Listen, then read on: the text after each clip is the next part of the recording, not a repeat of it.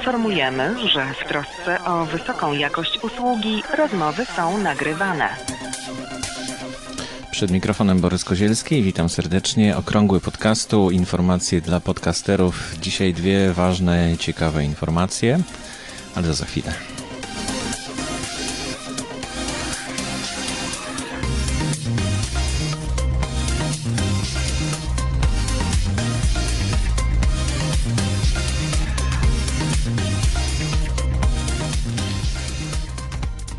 Jakoś tak niedużo dzieje się w naszym świecie podcasterskim. E, jeśli słuchaliście poprzednich audycji, to jesteście w miarę na bieżąco, chociaż audycja była dosyć dawno. Ale dzisiaj dwie dosyć ważne informacje. Pierwsza mm, to jest taka, że mm, firma Zencastr zaczęła już e, normalnie funkcjonować w internecie. I ten odcinek właśnie nagrywam przy pomocy mm, tego oprogramowania, które jest y, bezpośrednio dostępne ze strony internetowej. Warto się z nim zapoznać, jeśli mm, tworzycie własne podcasty, bo ja po prostu uwielbiam tworzyć na żywo podcast, y, to znaczy słysząc sygnałówkę, mówiąc w trakcie, kiedy tą sygnałówkę sam ściszam później wstawiając kolejną sekcję. E, I e, dzięki Zencastrowi to się staje bardzo proste. Urządzenie, czy w ogóle program jest dość podobny do Spreakera Studio, ale jest nowocześniejszy. Umożliwia również rozmowę dwóch, trzech osób podczas takiej sesji nagraniowej. Więc e, chciałem zwrócić Waszą uwagę na to, że, że to już jest dostępne i żeby sobie potestować, sprawdzić, jak to działa. E, wygląda dobrze. Testowaliśmy to już pół roku temu. Wtedy to była taka wersja alfa, potem była wersja beta. W tej chwili jest już e, normalnie udostępniony interfejs y, w wersji pierwszej. Także zachęcam gorąco zencastr.com przez C pisane. Y, tam można szybko wybrać sobie bezpłatną opcję mm, testowania przez dwa tygodnie y, wersji Pro ale mm, o ile się nie mylę, to taka wersja bezpłatna też zostaje Y, na dłużej i można wtedy z niej korzystać. Nie wiem, co tutaj zabraknie mi po tych dwóch tygodniach od y, rozpoczęcia tej wersji Pro testowania. Zobaczymy to za dwa tygodnie.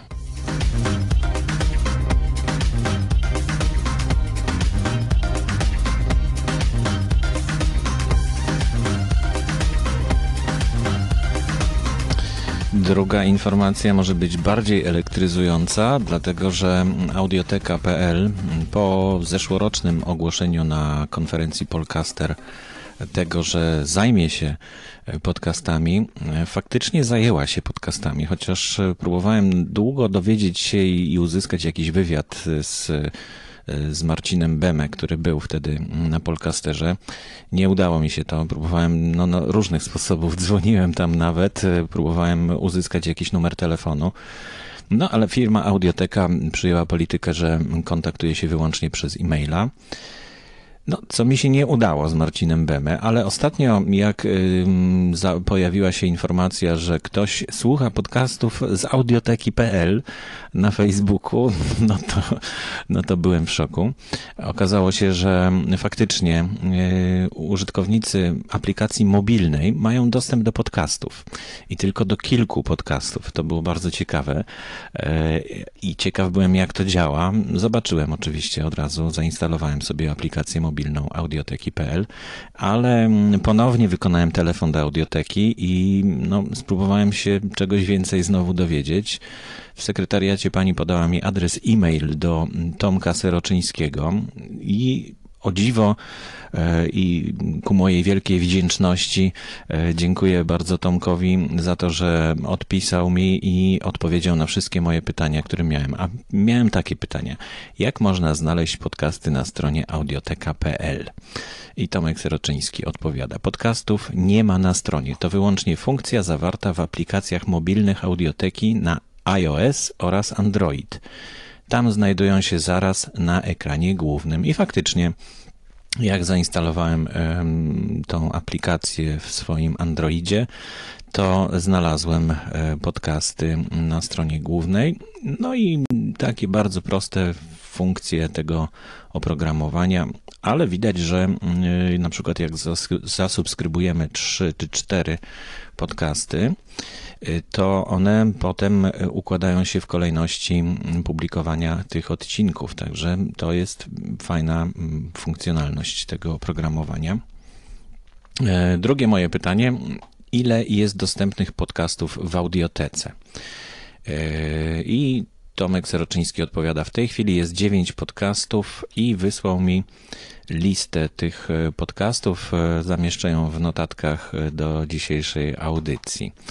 Kolejne moje pytanie: jak można dodać swój podcast, umówić się na współpracę?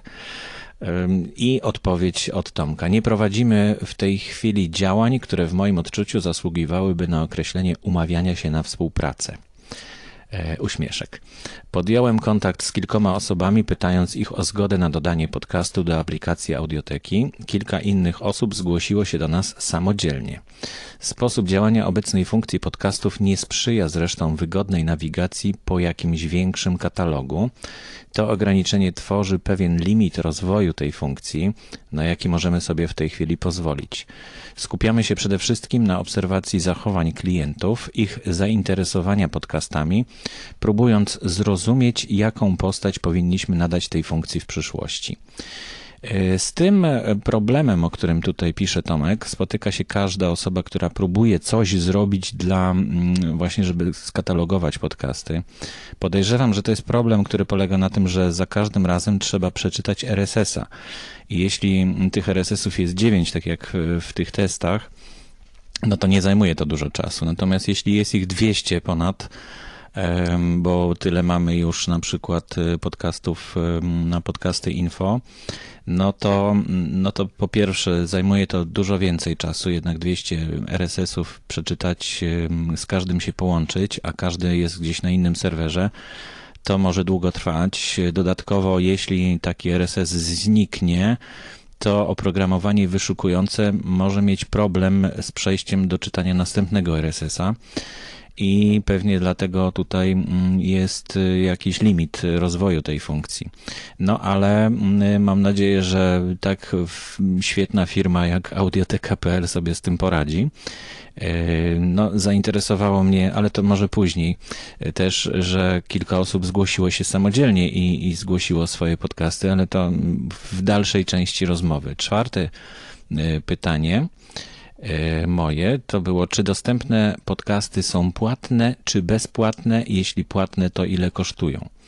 E, nie posiadamy w tej chwili żadnego płatnego podcastu. Wszystkie dostępne są do słuchania bezpłatnie.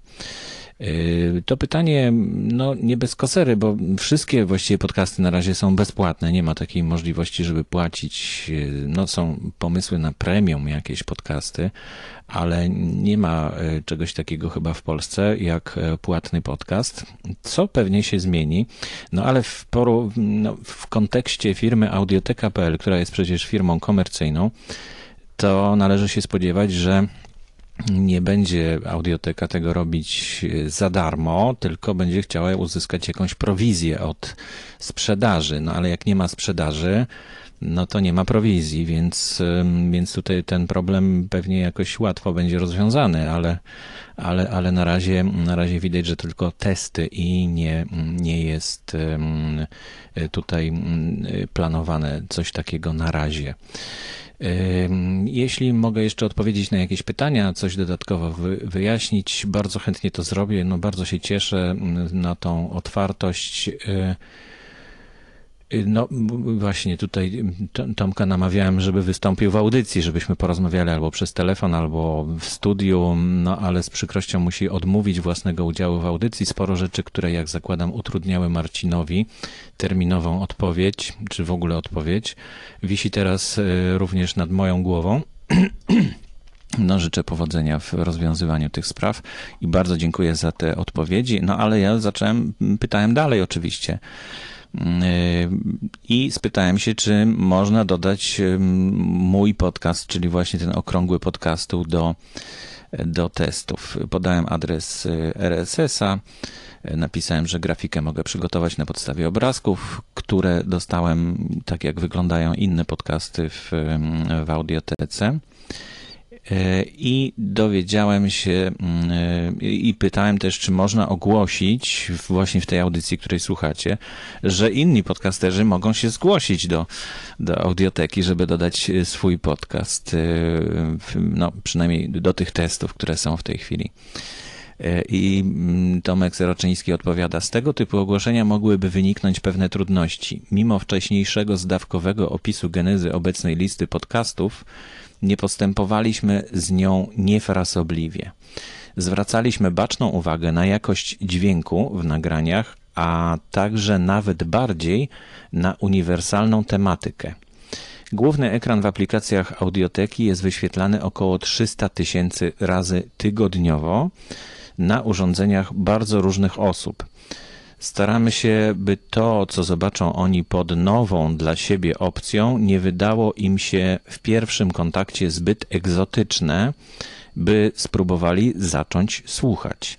Z kolei wiele polskich podcastów, jak je obserwuję, swoją szansę upatrzyło w tworzeniu specyficznej treści dla bardzo konkretnego grona odbiorców, co naturalnie czyni je też trochę hermetycznymi, odwrotnie wobec obrazu, który próbujemy wśród klientów audioteki budować. No, takim przykładem jest właśnie mm, e, okrągły podcastu, który jest skierowany tylko do podcasterów albo do osób, które no, myślą o tym, żeby założyć własny podcast. Rzeczywiście są to mm, takie niszowe treści i to jest według mnie zaleta podcastingu, ale jak widać, e, no, mm, e, klienci, znaczy audioteka próbuje dotrzeć do szerokiego odbiorcy, tak zwanego. E, I, I tutaj widzę pewien problem, ale, ale przeczytam ciąg dalszy odpowiedzi. Myślę, że na szerzej otwarte drzwi dla wszystkich twórców podcastów właściwszy czas przyjdzie, gdy przygotujemy kolejną wersję tej funkcji z wygodnym katalogiem, nawigacją, dodawaniem do ulubionych. Nie chciałbym w tej chwili zanadto popaść w fantazję na temat tego, jak ona mogłaby wyglądać. Oj, my to już fantazjujemy od dawna. A póki co staramy się trzymać własne zapędy w ryzach. No to jest już koniec e, tych pytań i odpowiedzi do, mm, do audioteki na temat e, funkcji podcastów. Myślę, że to dużo Wam e, podpowiedziało ja już też y, mam jakiś obraz tego, mm, o co chodzi y, z podcastami w audiotece. Y, jeszcze raz bardzo dziękuję za odpowiedzi na te, na te pytania. Przypomina mi to troszeczkę polskie radio, które w roku 2006-2005 też stworzyło swoją podstronę, na której pojawiły się podcasty. I też było tam tylko kilka podcastów. I to y, jakoś z czasem zupełnie umarło, zamarło i przestało chyba istnieć. Dzisiaj to chyba już nie jest dostępne. Y, I no, może tutaj być problem taki ideologiczny. Jeśli audioteka chce mieć tylko podcasty, które są no, skierowane do szerokich mas, no to nie będzie to pełen katalog na pewno i, y, i chyba no, będzie to mniej interesujące dla tych, którzy którzy e, próbują właśnie jakieś niszowe treści umieszczać w internecie. No i chyba też nie będzie to korzystne dla odbiorców, którzy prawdopodobnie tych treści również szukają, a znajdując e, podcasty w audiotece, będą zawiedzeni, że nie ma ich ulubionego podcastu na przykład.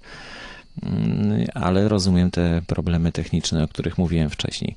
No mam nadzieję, że te dwie informacje, mm, tak na szybko przygotowane w programie Zencast, który przy okazji mm, no, jest, testuje w ten sposób, e, przydały Wam się i jeśli tak, to dajcie znać na, e, na moim Facebooku bezpośrednio ze mną się kontaktując. Ja nazywam się Borys Kozielski, dziękuję bardzo za uwagę i do usłyszenia następnym razem.